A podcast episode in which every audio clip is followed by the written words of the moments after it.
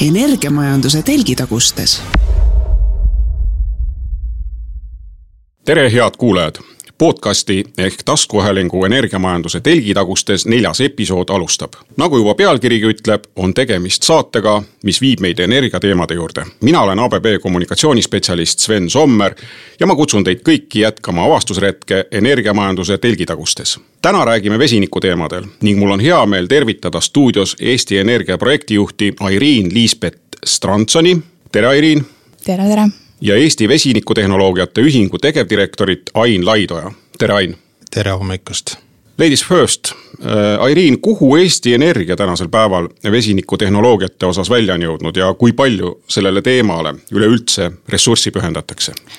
ma arvan, et äh, paljud ei teagi, et juba täna toodame ja kasutame vesinikku, seda küll elektrijaama generaatorite jahutamiseks aga kindlasti kavatseme tootmist veelgi suurendada ja seda just äh, rohelise vesiniku alal. ja hetkel siin majas meil on äh, vesinik väga populaarne sõna ja loodetavasti siis äh, mõni idee läheb sama hästi lendu nagu vesinik. kui palju teie majas inimesi selle vesiniku teemaga seotud on? Eks äh, üldiselt olemegi meie siis äh, koos äh, Kaarel Kuusega, kes siis üldiselt seda teemat edendavad, aga eks meil on ka majas palju abilisi, kui midagi on vaja. Ain, ühing viitab kellegi või millegi koondumisele, keda või mida Eesti Vesinikutehnoloogiate Ühing koondab? Meil on Vesinikuühingus on üle kahekümne aktiivse liikme ja, ja mis meid seob, on see tulevikuvaade ja ilmselt äh, ka tunneme siin kõik koos äh, suurt ärivõimalust, et äh, et hetkel on meil väga kibekiired ajad ja vaatamata sellele meil on suvepuhkus, et me ootame järjekordset toetusmeedet vesinikumajanduse käimatõmbamiseks, mille lõpptähtaeg on augusti lõpus ja selle toetusmeetme kogu maht on viiskümmend miljonit euri, ehk siis kakskümmend miljonit euri projekti kohta.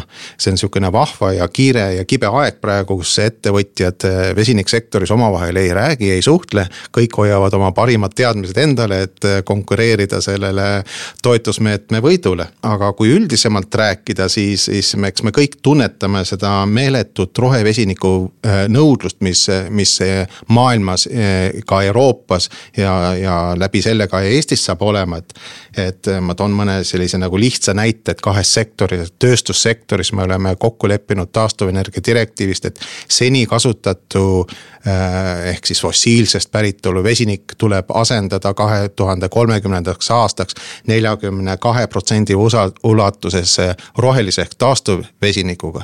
ja see on, see on kohutavalt suur, suur kogus, kui täna me toodame Euroopas, ütleme, pigem räägime siin meie lähipiirkonnas suured vesinikutarbijad riigid, eks ole, kes on siis äh, Soome, äh, Rootsi, Leedu, eks ole, me tarbime kokku kuskil kuussada tuhat tonni, toodame ja tarbime, eks ole, ja sellest nelikümmend kaks protsenti on vaja kahe tuhande kolmekümnendaks, et see oleks roheline. see on kohutav kogus, kui me kuussada tuhat tonni võtame sellest nelikümmend kaks protsenti, see on peaaegu sama suur kogus, mis on terve Eesti vesiniku potentsiaal kokku. Ja teisest ja teine sektor, mis on meil jälle võetud eesmärk, et kus me peame nagu rohelist vesinikku kasutama hakkama, on transpordisektor. Ja seal on meil eesmärgiks üks protsent. kahe tuhande kolmekümnendaks transpordisektoris kasutatavast kütusest peab olema roheline vesinik, need on tohutud kogused, nii et meil on äri potentsiaal missugune? No viimased äh, aastad on näidanud tõepoolest, et äh, sel teemal tegutsemine käib korralikult, on tekkinud igasuguseid erinevaid ühinguid, katusorganisatsioone, peale Eesti Vesinikutehnoloogiate Ühingu on meil ju ka veel Eesti Vesinikuklaster, Eesti Vesinikuorg, TalTechi vesinikuorganisatsioon ja kuidas te omavahel neid puid maid jagate seal, kuidas konkurents ja koostöö toimivad? Jah, et lühiperspektiivis me omavahel kuni septembri alguseni ei suhtle, sest meil käib kõva ribimine sellele, äh, sellele toetusmeetmele. aga me korraldame erinevaid üritusi, meil on konverentsid, meil on teabepäevad. meil on vesinikuühingus on iganädalased äh, hommikuseminarid, meil käib väga tihe infovahetus ja, ja, ja eks meil, eks meil on, on põhjust ka koos olla, sest et neid uusi regulatsioone, direktiive, need sajab uksest ja aknast sisse, et iga nädal me loeme. me ei jõua läbi lugeda neid uusi seadusi, mis meile kõik tulevad, nii et meil on, mille üle nagu, mille, mille, mis teemal rääkida ja, ja, ja, ja, ja koostöökohti otsida kui nüüd kõige laiemalt hinnata, siis äh, kuidas tundub, milline see Eesti vesinikutehnoloogiate tervis hetkel on? no praegult näiteks on juba kahe tuhande kahekümne neljanda aasta lõpuks tulemas äh, esimene vesinikutankla Tallinnasse. ja praeguse meetmega ka äh, arvatavasti tuleb paar projekti juurde, nii et äh, edenemist on äh, näha, et hakkavad tulema projektid. Ja loodetavasti, kui äh, on juba piisavalt palju projekte, et äh, on siis ka juba tehnoloogia muutub odavamaks ja ei ole vaja enam isegi mitte toetusi, et äh, on iseseisev juba majanduslikult võimalik neid projekte teha. Ain, sinu lühihinnang jah, täpselt, eks, eks, eks me ootame, millal see esimene vesinik meil tänavale tuleb, aga me teame seda, et, et. et kahe tuhande kahekümne neljanda aasta lõpuks on meil kaks vesinikutanklat Eestis ehk siis Tallinnas juba olemas. nii et eks me siis sellest, see, see on nagu hea alguspunkt, et me saame siis hakata äh,. muna-kana teemas on nagu üks ots lahendatud, meil on tankla, meil on tootmine olemas. ja eks me siis näeme, kui palju riburada hakkab meil seda nagu tarbimist tulema, kui pidades silmas seda transpordi transpordisektorit, aga tööstussektoris meil on kõik alles ees ju. ja eks äh, teema olulisust näitab äh, noh, minu arvates ka see, et, et äh, riik on nüüd teema päris korralikult käsile võtnud ja tähelepanu pööranud. eks ole, noh toetustest rääkimata tänavu veebruaris valmis siis Keskkonnaministeeriumi Majandus-Kommunikatsiooniministeeriumi koostöös Eesti vesiniku teekaart mis siis käsitleb äh, tänast äh, valdkonna seisu ja teemasid, mida ette võtta ja eesmärke, mida saavutada selle aasta alguses äh, anti siis ka ettevõttele Metrosert ühena viiest sellisest valdkonnast ka vesiniku valdkond, nende teemade arendamine eesmärgiga siis toetada ettevõtlust. et kuidas neid samme hinnata, riigipoolseid samme? Äh,. iga ettevõtmine algab paika seatud plaanist, eelarvest projekti kirjutamisest ja kindlasti on vesiniku teekaart üks selline dokument, mis, mis annab sellele nagu aluse, et suures maailmas raha otsib kohta, kuhu investeeringuid teha. ja üks esimesi asja, mis üles otsitakse, on vesiniku teekaart ja kuni siiamaani olime maailmakaardil üks riik, kellel ei olnud oma vesiniku teekaarti. nüüd on see linnuke kirjas, et me ei pea seda häbenema, et meie riigi poolt ei ole eh, teekaarti, mingit plaani tehtud, et eh, see on ühest küljest tehtud, see teekaart on isegi nii hea teekaart, et sellele lausa kirjutas minister alla ja kui täpsemalt öeldes lausa kolm ministrit olid väga hea meelega oma allkirja sinna alla panemas kui me nüüd vaatame seda teist poolt, eks ole, mida ootab erasektor, mida ootavad investeerijad, on see, et, et nad, nad ootavad sellest dokumendist natukene rohkem sisukat. ehk mis sealt nagu puudu on, et, et see, me küsime, et kas see dokument annab meile mingi investeerimiskindluse. kas ta seab meile mingisugused kindlad eh, nii ajalised kui ka kogu sellised eesmärgid. see dokument on vajab kiiret update'i, et me paneksime paika ka konkreetsed tegevused. nii et see võikski meil nagu selline järgmine samm olla. nii et ma tahan öelda, et me liiga palju erasektori poolt meile, liiga palju siis positiivset tagasisidet selle teekaardi osas ei ole täna veel tulnud. ja aga mis on öeldud ja, mis on, mis on arvatud, et me peame nüüd minema detailidesse ja panema paika konkreetsed sihid. selleks, et, et, et, et me oleks maailmas nähtavad ja et investeeringu potentsiaalsed tegijad tahaksid tulla Eestisse seda investeeringut tegema Airiin, kas Eesti Energia koht on seal teekaardil ka olemas? eks kindlasti, meie tahame keemiatööstuse poole liikuda, keemiatööstuses nähakse ka vesinikul suurt potentsiaali. eks vaatame, et praegult on veel natuke vara rääkida, mis toimuma hakkab, aga plaane on. ma teen nüüd väikse pöörde selles jutuajamises ja küsin al alustuseks sellesse teemasse, et miks üldse vesinikust rääkida. no põhjust nagu oleks, eks ole, et äh, tegemist on ju universumis kõige levinuma elemendiga. Äh, ka meie siin laua taga koosneme vähemalt aatomite hulga mõttes äh, kuuekümne protsendi ulatuses vesinikust ja noh, pealegi on tegemist ju keemiliste elementide perioodilisuustabeli esimese elemendiga, miks siis mitte rääkida. aga muidugi peapõhjus, miks me siin täna oleme ja vesinikust räägime, peitub ikkagi hoopis asjaolus, et tegemist on ka väga suure potentsiaaliga ressursiga. no katsume hinnata, kui suurega siis, millised need vesiniku kasutusalad täna siis on? et me tegelikult ju tarbime täna vesinikku. me tarbime vesinikku täna läbi, äh, läbi produktide, milles on, mille tootmiseks on vesinikku kasutatud. me ei kujuta ette põllumajandust ilma väetisteta täna. Väetised põllumajanduses on siis ammoniaagipõhised, ammoniaak on siis äh, äh, sisuliselt ongi lämmastik ja vesinik, sellest on väetised tehtud ja, ja, ja me ostame need väetised täna Eestisse kõik sisse.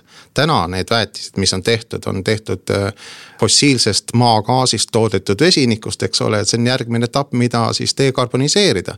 teine äh, silmnähtav toode, mida me iga päev tarbime Eestis, on see, et me ju sõidame ja kasutame kütuseid, me kasutame diiselkütust, me kasutame bensiini, eks ole. ka üks nafta rafineerimistehas, eks ole, kasutab, kasutab vesinikku selleks, et toornaftast toota meile vajalikud tooted. ja kui me vaatame, kui palju me kasutame seda, siis näiteks võiks öelda, et Eestist kasutatav bensiin, diisel, selle tootmiseks toornaftast läheb vaja nii palju vesinikku, kui seda suudaks toota üks meretuulepark ehk umbes viiskümmend tuhat tonni aastas. et need on need kasutuskohad, aga kui me räägime sellest, et kui palju me, mis on, võiks olla Eesti vesiniku tootmise potentsiaal, siis, siis. siis ma arvan, et see potentsiaal peitub selles, et kui palju meil seda taastuvenergiat on võimalik saada. ja kui me võtame nüüd meie eeldused meretuuleparkide toodangust, siis me pakuksime sellise numbri välja, et Eesti tootmise ressurss võiks olla kuskil kakskümmend viis, kakssada viiskümmend tuhat tonni aastas. mis on võrreldav äh, näiteks Soome tänase vesiniku tootmise ja kasutamisega, mis on sama suur kui rootslastel kui ka leedukad. siin piirkonnas on ainult kaks riiki, siin Balti või siis selle Läänemere piirkonnas kaks riiki, kes täna vesinikku ei tooda. ja kes vesinikku ei kasuta ja üks neist on Eesti, nii et äh, mis see teine on? saatejuht võib arvata, mis see teine on, paku välja. no Läti Läti täpselt nii, et see ongi, siin on Eesti. Eesti ja Läti on kaks riiki siin piirkonnas, kellel on võimalused toota äh, vesinikku, paraku tööstust täna siin veel ei ole, nii et meil on unikaalne võimalus see tööstussektor siia meelitada ja siin luua lisandväärtust tulevikus ja et äh, alustame sellest, et äh, vesinik üksi ise on väga puhas kütus, et kui sa seda kasutad, tekib ainult vesi.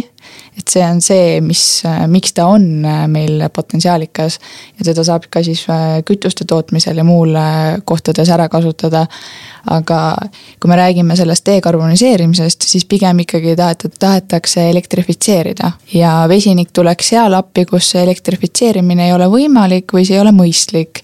ja, ja seal on see, kus siis kus, kui kasutab vesinikku, sa ei tekita kasvuhoonegaase, kui näiteks äh, suurlinnades on väga palju suured probleemid, et äh, õhu, õhk on väga saastatud, et siis äh, elektriautod ja vesinikuautod võiksid olla see lahendus. aga elektriautode pooles on näiteks ikkagi miinuspool see, et ta vajab laadimist, see on aeganõudev. ja kui meil õhtuks või ööseks lähevad kõik elektriautod laadima, siis tekib juba küsimus, et mis see võrk meil siin tegema hakkab. et vesinik on hea, et siis aitaks sellele kaasa, et vesiniku tootmisel ka kasutatakse elektrit, aga sa saad seda ajastada. ja lisaks äh, vesinikuautode ja sõidukite laadimine on äh, võrdeline siis näiteks bensiini või diiselautode laadimiskiirusega, et. Äh, et need koos kaks on, ma arvan, väga head lahendused, kuidas dekarboniseerida siin no kui vaatame vesiniku väärtusahelat tervikuna, siis tuleb peatuda eelkõige tootmise, salvestuse, hoiustamise, transpordi jaotuse ning ka kasutamise eripäradel alustame tootmisest. vesinikku noh, on võimalik toota mitmetel eri viisidel peamised on siis äh, tootmine elektrolüüsi meetodil äh, või tootmine maagaasist äh, või siis teistest fossiilsetest maavaradest ja tootmine biomassist, näiteks metaanist. ja nagu me teame, tootmise lõpp-produkt on kas siis roheline, hall või sinine vesinik. palun räägime laiale auditooriumile selle protsessi veel korra lahti, ehk siis tootmisprotsessi no elektrolüüser siis äh, lõhustab äh, vee elektri abil vesinikuks ja hapnikuks. see on see kõige lihtsam äh, viis, ehk siis meil on ka tegelikkuses elektrolüüseril tekib ka hapnikku. aga selle elektrolüüseril on praegult on probleemi koht, ma ütleks, efektiivsus. et sa paned ühe ühiku energiat sisse aga sa saad sealt umbes kuuskümmend viiskümmend protsenti tagasi, et äh, kasuteguril elektrolüüseril on äh, ikkagi ei ole nagu väga äh, kõrged. ja seetõttu tekibki see, et, et miks, miks peaks tootma vesinikku, kui ma saaks kohe elektrit targasti ära kasutada. et kui parajasti on liiga palju meil näiteks elektrit, siis on see hea viis, kuidas teda elektrit ära väärindada selle vesiniku tootmisega jah, tootmise poole pealt kohe tuleb selline mõte, et, et, et, et kui me eh, seome ka seda efektiivsuse mõttega, siis meil on olemas kasutamise poolelt sektorid, kus vesinikku ei asenda mitte miski. Ja, ja kui me oleme kindlad, et me kliimaeesmärke ikkagi veel silmas peame ja kaks tuhat viiskümmend tahame kliimaneutraalsed olla, siis, siis, siis meil ei ole teisi valikuid, me peame võtma kasutusele veest ja elektrist tehtud rohelise vesiniku. et, et, et see, mis, mis seni on tehtud, on maagaas. fossiilsest maagaasist on väga lihtne vesinikku toota, ühe kilo vesiniku tootmiseks emiteerime õhku noh, ligi kümme kilogrammi CO2, eks ole, aga, aga, aga kõik see uus tehnoloogiad on siis vesi ja elekter. veepuudust meil ei ole, meil on jõed, meil on järved, meil on mered, eks ole. vee puhastamine isegi meres ei ole liiga suur kuluartikkel kogu selles protsessi hinnas. et teine asi on see, et kus me selle nagu taastuvenergia või taastuvelektri tootmisega, millal me järgi jõuame. et see on see tootmise pool praegu lisan ka siia siis veel juurde, et kui see teema nagu lahti rääkida, ehk siis äh, rohelisest vesinikust me räägime siis vesinikust, mis on toodetud siis elektrolüüsi teel ja kasutades taastuvelektrit. hall vesinik on siis vesinik, mis on toodetud fossiilsetest fossiilsest maagaasist aurumetaani reformimise teel. Ja sinine vesinik on siis toodetud fossiilsest kütusest koos CO2 kinnipüüdmisega, olen ma asjadest õigesti aru saanud? no absoluutselt õigesti jah, et ma seda sinist vesinikku nüüd äh, küll siin Eestis sellest nagu ei mainiks ja jätaks selle etapi vahele et, et teeme, lähme ikka kohe õigete asjade tegemisele. no veel korra täpsustuseks, kas Eestis tänase päevaga elektrolüüserit on, elektrolüüsereid? Ja Eesti Energia omab kahte või isegi tegelikult nelja elektrolüüserit, aga nende võimsused on suhteliselt madalad. aga suudame ikkagi enda jaoks vesinikku ära tarbida ja see elektrolüüser iseenesest ei ole mingi uus tehnoloogia, lihtsalt praegult hakatakse seda järjest rohkem kasutama. ja rohkem tänasel hetkel ei ole neid elektrolüüsereid Eestis peale teie omade? noh, teadaolevalt ütleme siis. no et ei tea jah, et äh, ma arvan, et keegi niisama enda, enda lõbuks vesinikku ei tooda, et äh, ma arvan, et ei ole jah jah, et eks ülikoolidel on oma demoseadmed olemas, millega tudengeid õpetada, need on ka väikesed, eks ole. aga mis on veelgi olulisem, on see, et, et elektrolüüserite arendus käib meil nii kõval tasemel ja nii suurte rahastustega. et et, et see on tõsiselt suured tulevikuprojektid, et kui nimetada siin ühte või teist, siis näiteks Stargate Hydrogen, kelle eesmärk on püsti panna gigatehas.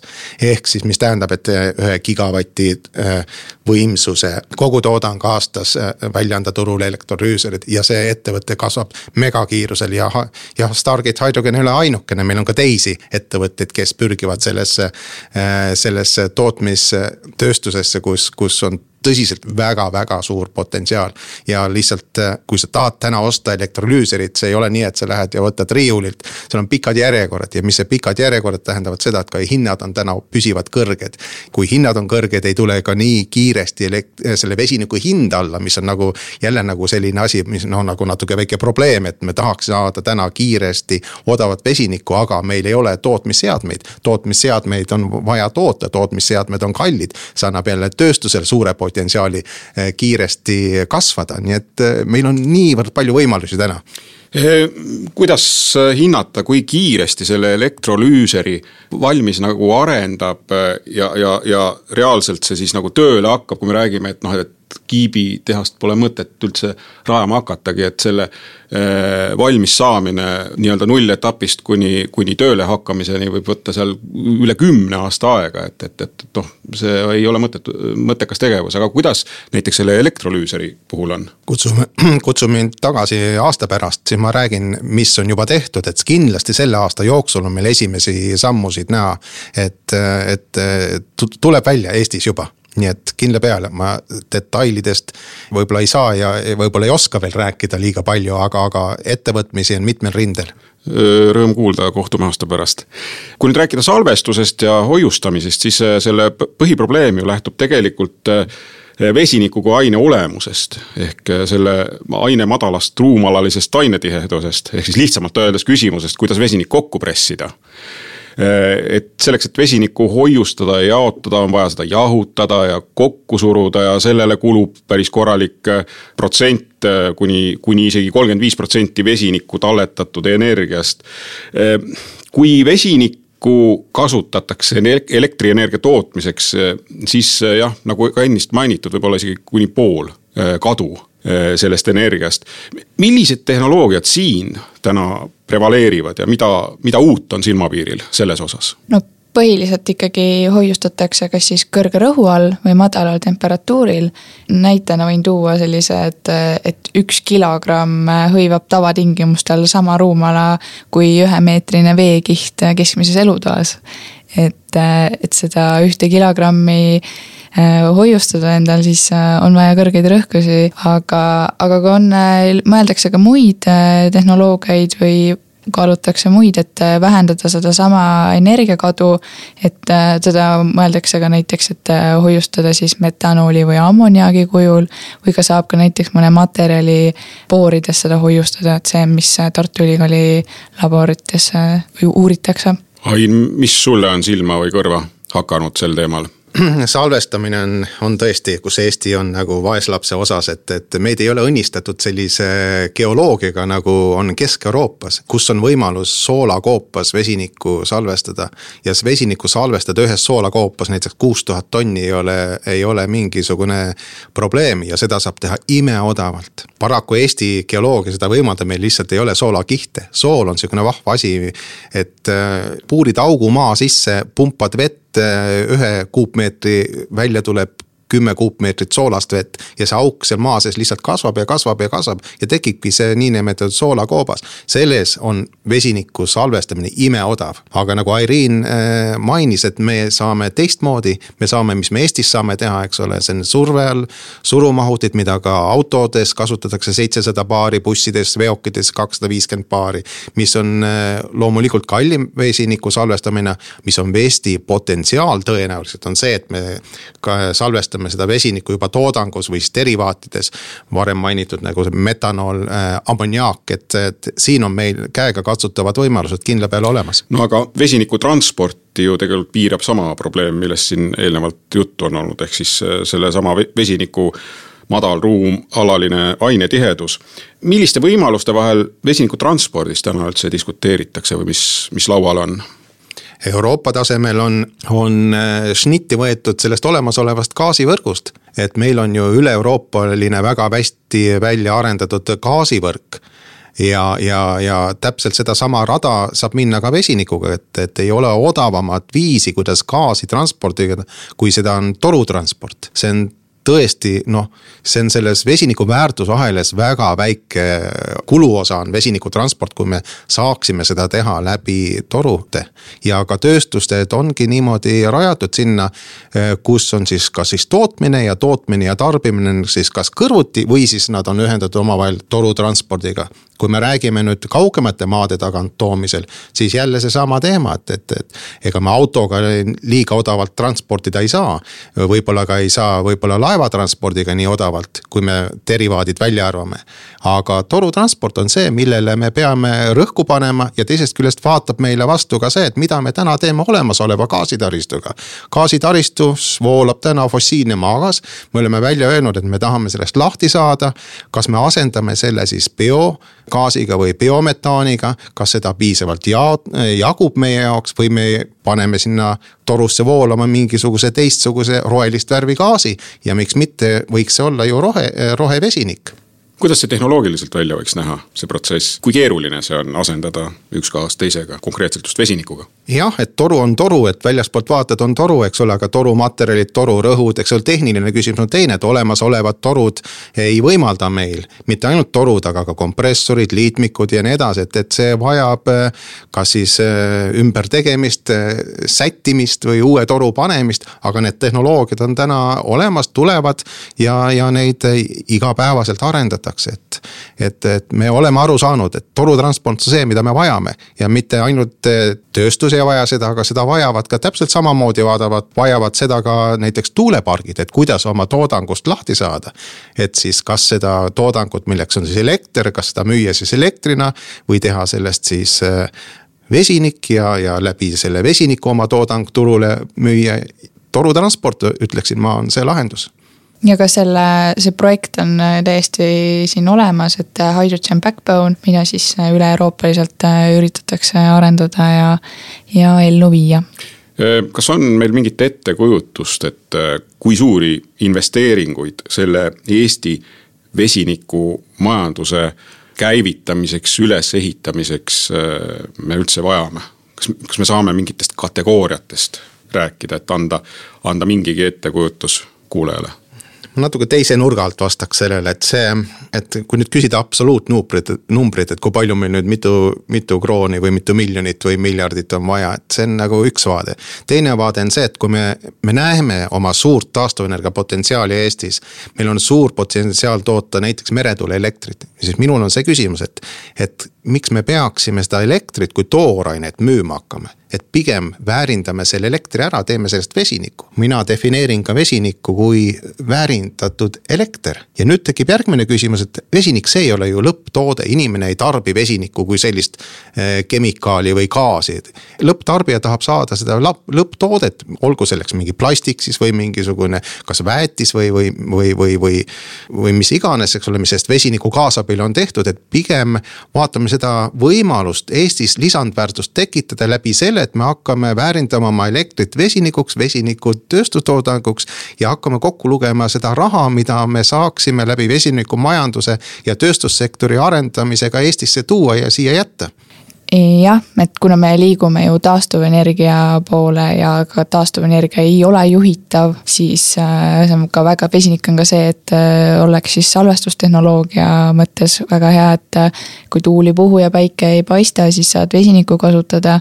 aga kui tuult on palju, päikest paistab ja energiat ei ole nii palju vaja, saad selle üleliigse energia ära kasutada vesiniku tootmisel no täna meil siiski, kui, kui nagu ausalt ütleme, siis Eestis vesiniku Eesti majanduses vesiniku nõudlust ja pakkumist klassikalisel moel ei, ei, ei eksisteeri ju, eks ole. et äh, kuigi mitmed ettevõtted arendavad vesiniku tootmise tehnoloogiaid ja on kavandanud äh, erinevaid äh, projekte selles vesiniku väärtusahelas. vesinikku on juba viimase paari aasta jooksul üle saja miljoni euro eest toetatud minu mäletamist mööda alates kahe tuhande kahekümnendast aastast sada kakskümmend miljonit äh, umbes.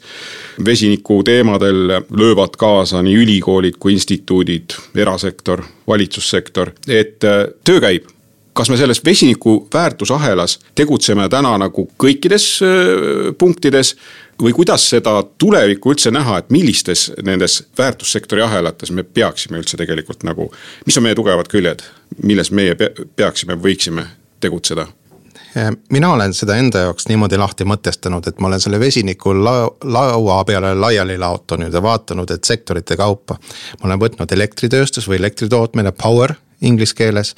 Äh, siis olen vaadanud sellist äh, soojussektori, kolmandaks võiks öelda näiteks transpordisektor ja neljandaks tööstussektor. ja tööstussektori alla võiks ka mõelda, et kuidas see põllumajandus sinna sisse mahub. ja vaadates just sellest pildist, et kuidas me neid sektoreid dekarboniseerima hakkame ja missugune sektor on, milles nagu see vesinik on asendamatu, kuidas me ilma vesinikuta hakkama ei saa.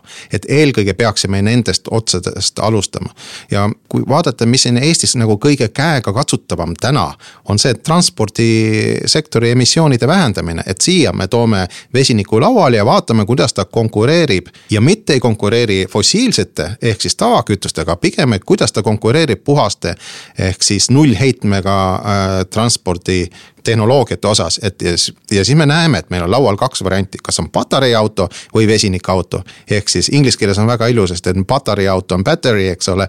Eesti keeles me ütleme elektriauto ja vesinikuauto, eks ole, vesinikuauto on ka elektriauto, nii et, et, et, et ja kes teeb selle töö ära odavamalt? Me arvame või mina arvan seda, et, et võib-olla sõiduautode kategoorias on akutehnoloogial, patareitehnoloogial võib-olla suurem eh, võimalus. aga raskeveokitel, bussidel kindlasti vesinik tuleb eh, hea meelega konkureerima. ja miks ta tuleb konkureerima, on sellepärast, ta on odavam kui teised tehnoloogiad. me ei kujuta, ma ei tea, kes kujutaks ette, et meie valik võiks olla kallim tehnoloogia mingi töö ära tegema, loomulikult ainult sellepärast, et ta konkureerib ja pakub odavamat hinda. aga jällegi ainult selles kategoorias, mida me otsime, mis on puhtad tehnoloogiad nullheitega. et see, see oli see jutu mõte, mis oli transpordisektoris ja, ja, ja võib-olla see võib-olla praegu nagu liiga palju ei vaatakski sellesse soojust ja seda võib-olla natukene kiikas ka sellesse elektritööstuse sektorisse, ta on lahutamatu osa tulevasest energiasüsteemist. sest me toodame elektrit, eks ole, mingil hetkel on meil elektrisüsteem, süsteem lihtsalt vajab seda elektrit kuhugi panna, mis me toodame võib-olla liiga, liiga palju, võib-olla hind läheb liiga alla. mis tähendab, kui läheb hind alla elektritootja jaoks on halb uudis, eks ole. aga siin tuleb vesinikutööstus appi ja, ja odav elektri hind on ju vesi, vesinikutööstuse veskile. nii et see on me kõik, me, me see, see, siit tekib ilus sünergia, kus kõik peaksid võitma samal ajal. ja lisaks, kui võrrelda siis nii-öelda seda akusõidukit ja vesinikusõidukit, siis meie kliimas on äh, ka vesinik selles poole poolest parem, et äh, vesinik ei karda külma, ehk me ei pea oma talvel kartma sõidu ulatuse vähenemist. see on ka üks, mis äh, näiteks meie kliima puhul on argument millistes transpordisektorites üldse vesinik äh, nii-öelda reaalselt äh, kasutatav äh, on? ja transpordisektor, mis me vaatame transpordis, me vaatame transpordisektoris mitte ainult sõiduautot, me vaatame maanteetransporti, me vaatame lennundust, me vaatame merendussektorit ja kui nüüd vaadata näiteks ainuüksi seda merendussektorit, siis vaatame, mis lahendused või mis võimalused meil üldse laual on. ma tooks välja siin kohe näiteks akutehnoloogia, tooks puhastest tehnoloogiatest veel näiteks ammoniaak metanool ja vesinik ja ega rohkem ideid ei olegi praegu mul kuskilt võtta, kuidas me saaksime merenduse ära dekarboniseerida ja kui me hakkame neid võrdlema, siis akutehnoloogia on okei okay,, võib-olla küll, Saaremaa praam väga hästi sõidab, eks ole. aga Hiiumaa praam, mis sõidab poolteist tundi, eks ole, seal me hakkame juba mõtlema, et kas aku on okei okay,, kas ta on liiga raske, äkki meil on seal süvisega küsimusi seal ja, ja, ja nüüd me vaatame, et kuidas meil sinna vesinik, kas, kas vesinik võiks olla siis alternatiiv. kui me vaatame Tallinn-Helsingi, Tallinn Tallinki sõitusid, siis vesinik on täpselt just katab selle osa ära, et me võidaks, äh, saaksime Tallinnast Helsingisse ja, ja sõita ja vesinik võiks selleks kütuseks olla. kui me vaatame kontinentide vahelise reisimist, siis võib-olla see vesinik enam ei mahu pardale.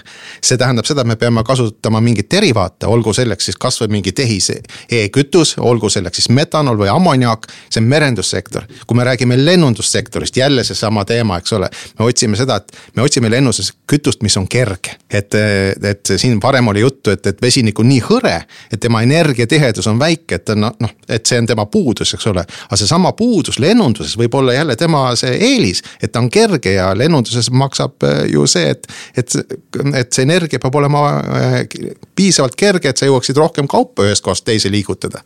ja nüüd see, mis on kõige tavalisem, on siis see maanteetransport, eks ole, et siin ongi see tasakaalu leidmine, eks ole.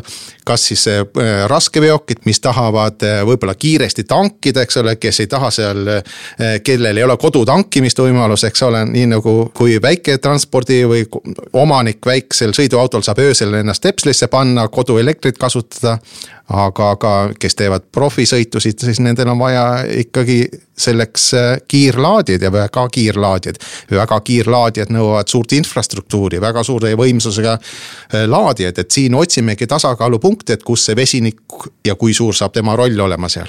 Äh, rääkides laevastikust ja praamidest, siis on uudis tulnud, et Eesti riik arendab meie viiendat praami vesinikuvalmidusega, nii et ootame põnevusega, kas hakkab ka kunagi vesinikuga sõitma kui palju nagu maailmas selles osas võib äh, näiteid tuua, et äh, kui äh, sõiduautode osas on enam-vähem teada, et, et mis firmad ja mis mudelid meil täna nagu liikluses olemas on, siis kuidas on lood muudes sektorites, kui, kui, kui palju seal kasutatakse täna vesinikku kütusena reaalselt? sa pead transpordisektorit silmas, jah ja.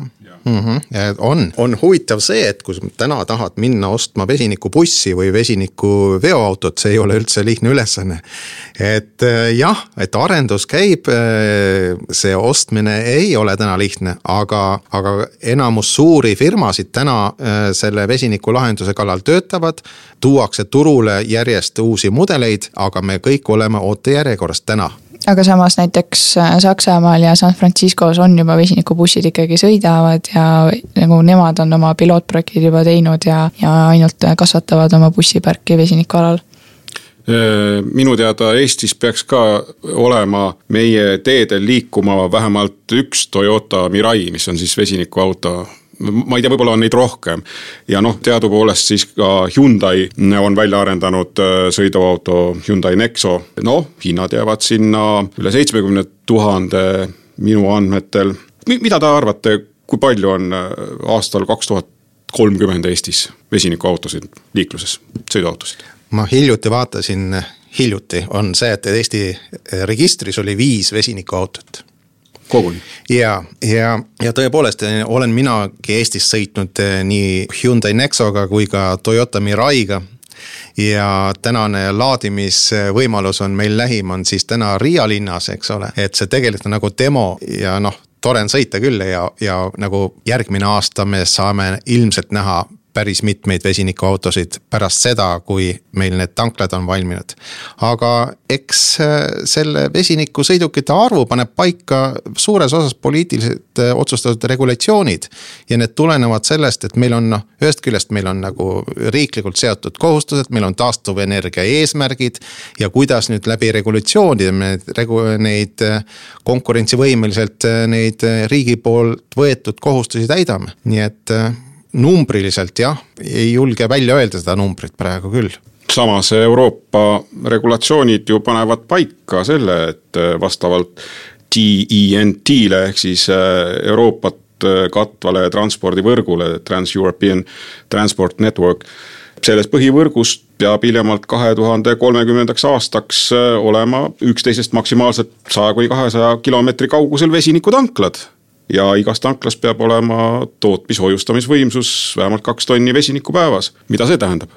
see tähendab Eesti jaoks äh, kahe kuni viie tankla tegemist aga see ei ole ainukene direktiiv, millest me juhindume.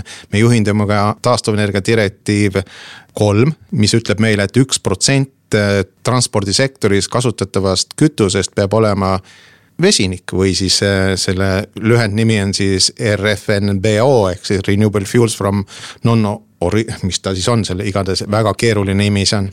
aga see üks protsent tähendab kuskil kaks tuhat tonni vesiniku tarbimist äh, aastas, aastast alates kaks tuhat kolmkümmend. see on kaks tuhat tonni vesinikku, see on päris suur ja see on kohustus, mille me oleme endale võtnud ja Soome, meie põhjanaaber, on äh, seda kohustust enda jaoks kolmekordistanud ehk eesmärgistanud kolm protsenti nende kütuste tarbimisest peaks olema vesinikupõhine. see ei tähenda, et ta on puhas vesinik, aga see tähendab, et vesinikust tehtud kütused.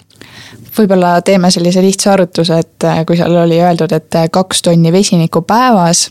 teeme näiteks, võtame Toyota Mirai, ütleme, et keskmine sõiduauto sõidab viisteist tuhat äh, kilomeetrit aastas. ja sellel juhul oleks siis äh, Toyota Mirai selline keskmine vesiniku kogus sada viiskümmend kilo aastas. meie räägime kahest tonnist päevas, ehk siis ütleme niimoodi, et noh, päevas siis võib-olla Toyota Mirai kasutab pool kilo vesinikku ära, ehk neli tuhat Toyota Miraid võiks seal vesinikutanklas ühe päeva jooksul käia ära tankimas, et noh, muidugi sõiduautode ja veokid veokitele natukene teine see vesinikutarve, aga sellegipoolest, et võib-olla on hea selline ettekujutus, mis see kaks tonni vesinikku päevas tähendab no Ain, väga hea, et sa Soome siia mängu tõid, et Soome vesinikutehnoloogiate tase ja areng on ju teada, et ja see on maailma tasemel. ja see on äh, olnud näha ka ettevõtete käitumisest, kellest päris mitmed, kaasa arvatud ABB, on päris palju Soome just panustanud Soome suunale. no mina usun alati, et see, mis on Soomes hästi arenenud, toob lõpuks kasu ka Eestile olge nõus või lükake ümber või kuidas kommenteerite? jah, ei saa salata, käime Soomes piilumas, mis nad teevad, et Soome on väga eduline. Soome on eduline ka riigi tasemelt äh, vaadates. Soome riik on avalikult ja väga, väga jõuliselt välja öelnud ja propageerib või, või, või, või, või, või siis ütleb Euroopale, et me suudame riigina kümme protsenti vesinikunõudlusest, Euroopa vesinikunõudlusest katta. Nad on selle kaardi lauale pannud, nad on seda riigi ministrite tasemel välja öelnud. Nad kutsuvad investeerima Soome ja ütlevad, et, et tulge, siin on meil energia roheline energia, siin on roheline vesinik ja alles juunikuu algusest Ameerika firma tuli ühe miljardilise investeeringuga Soome just sellepärast, et riik julgelt ütleb, et meil on see vesinikuplaan olemas, meil on konkreetne konkreetsed infrastruktuuri ehitamise plaanid ja nii edasi. Soome väga jõuliselt ja selle ja just kaardistab ära potentsiaalseid projekte. üks hea näide on see, et Soomes on, jah, ma alustan sellest, et, et kuidas see nagu energiasüsteem on nagu üles ehitatud, et on olemas selline firma nagu Eestis on Elering. Elering on, äh, on siis nagu gaasisüsteemi operaator, sama majas on ka elektrisüsteemi operaator, ehk siis Elering on nii gaasi kui elektrisüsteemi operaator. Soomes on tekkinud või on olemas väike konkurents nende kahe süsteemi vahel, sest et kas Gasgrid Finland on eraldi gaasisüsteemi operaator, nad justkui konkureerivad selle teise poolega, eks ole, nad tahavad olla paremad mõnes näites, mis on näiteks energia ülekandmine. ja nad teevad jõuliselt äh, tööd selleks, et vesiniku infrastruktuuri rajada. et äh, jah, et kui Gasgrid on väga proaktiivne, paistab igal pool silma, meelitab investoreid, siis ma tahaks väga seda näha, sellist nagu jõulist nähe, lähenemist ka meie kodumaise Eleringi poolt ja jah on Soo-, Soomest on palju, mida õppida, tõepoolest. nojah, eks Soome, eks me mõlemad, ka Eesti riik on öelnud, et tahame olla eesrinnas, aga. aga selleks peame siis natukene võib-olla siis ka Soome poole vaatama, et mida nemad teevad, et neil juba need asjad on natukene meist eespool no Soomes on loomulikult on tööstus, tööstustarbimine on täna olemas, eks ole, neil on hulga lihtsam seda teha. Neil ei ole vaja otsida mõlemat otsa, tootmist ja, ja, ja siis tarbimist, sest tarbimine on olemas. Neil on väga lihtne lihtsalt see tarbimine, täna on fossiilipõhine, asendada eh, rohelisega, nii et neil on natukene lihtsam. aga teisest küljest, eks ole, kui meil see energia on, siis pigem me peaksime samamoodi ütlema välja, et, et, et me ei noh, jah, et me pigem ei müü või ei ekspordi seda välja, eks ole, seda vesinikku ja elektrit, et pigem teeme enda riigi atraktiivseks ja meelitamaks koha peale tööstusinvesteeringuid. Jah, et äh, tööstusinvesteeringud ja teine asi on veel, meil on äh, ikkagi taastuvenergia puudujääk äh, selliste mahtude jaoks, et vesinikku toota no täpselt. Ja sellest äh, tulenevalt on ka ütleme hind hetkel meil, kui rääkida siis sellest, mis see asi kõik maksab. et hind on ju kõrge tegelikult, äh, kuidas teie näete mm, selle hinna kujunemist nüüd lähitulevikus või siis ka natuke kaugemas tulevikus aastani kaks tuhat kakskümmend kaks tuhat kolmkümmend välja, sest on selge, mida rohkem tekib taastuvenergiat, seda odavamaks teoreetiliselt äh, võiks ka see hind minna jah, vesiniku hind sõltub väga paljuski elektri hinnast, sest sa toodad seda elektri eest ja ka siis, äh, mis sul see vesinikutehase investeering on.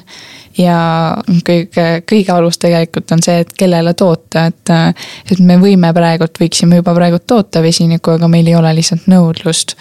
ja kui elektri hind on äh, madal, siis on ka vesiniku oma tootmishind madal vesiniku hinna lihtne valem koosneb kolmest muutujast, üks on elektri hind, teine on palju see vesinikutehas ehk siis elektrolüüser ja sinna juurde kuuluv maksumus. ja kolmas on siis, et mitu töötundi aastas see tehas töötada saab. Ja miks see just see töötunnid on oluline, on sellepärast, et on olemas tunde, millal me saame turult odavamat elektrit, on tunde, millal elekter maksab hirmkallist saame ta kätte. nii et selle vahel optimeerides leiame siis selle õige koha, kuidas me saame oma vesiniku hinna alla. aga kui nüüd rääkida mingist äh, ideest või absoluutväärtust, mis meie piirkonnas vesinik võiks maksta, siis selleks, et seda välja mõelda, siis me vaatame pigem seda, et kust meil see äh, taastuvelekter tuleb.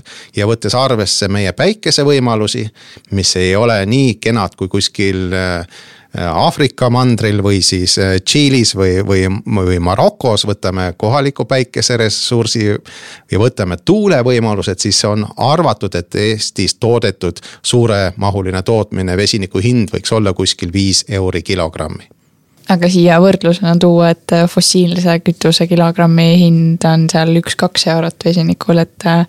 et kahjuks rohelisele kui on äh, roheline nimetus juures, siis on ka hind kõrgem kahjuks hetkel veel, aga kui äh, tehnoloogia areneb ja muutub rohkem äh, populaarsemaks, siis võib-olla ka hakkab olema veel odavam hind kui praegune see viis eurot. ja ongi aeg hakata otsi kokku tõmbama. küsingi lõpetuseks, kuidas teie näete meie lähiaastate arengut vesinikutehnoloogiate osas, kas me, kas me saame siin näha võib-olla midagi sellist äh, juba, juba lähiaastatel, mida me täna oma sellises lineaarses tajus ei oska nagu ette nähagi?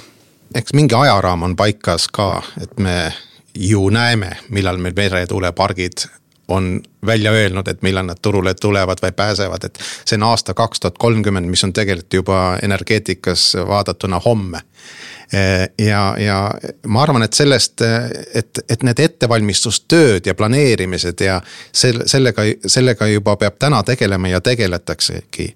ja kui me küsime, et millal meil see vesinikumajandus päriselt käima läheb, siis reaalne on see, et, et praegu käib ettevalmistusperiood ja, ja, ja suured investeeringud otsivad kohta, kuhu kanda kinnitada, koputavad ka meie uksele. küsivad, et kas tõesti, kas te meie investeeringuid tervitate, kas me oleme siia teretulnud.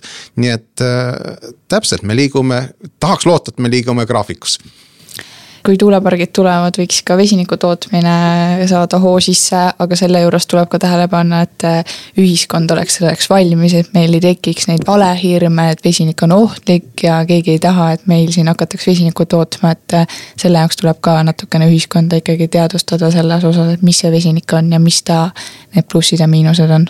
jah, aga meil selleks aega on see seitse aastat ehk nagu sa, Ain, ütlesid, mis on juba homme aitäh mm, saatesse tulemast, Eesti Energia projektijuht Airiin Liisbet Strandson ja Eesti Vesinikutehnoloogiate Ühingu tegevdirektor Ain Laidoja. tänan teid sisuka vestluse eest ja samuti kõiki kuulajaid ja meie podcast'i jälgijaid. ilusat päeva ja kohtumiseni järgmistes podcastides iga kuu viimasel neljapäeval. energiamajanduse telgitagustes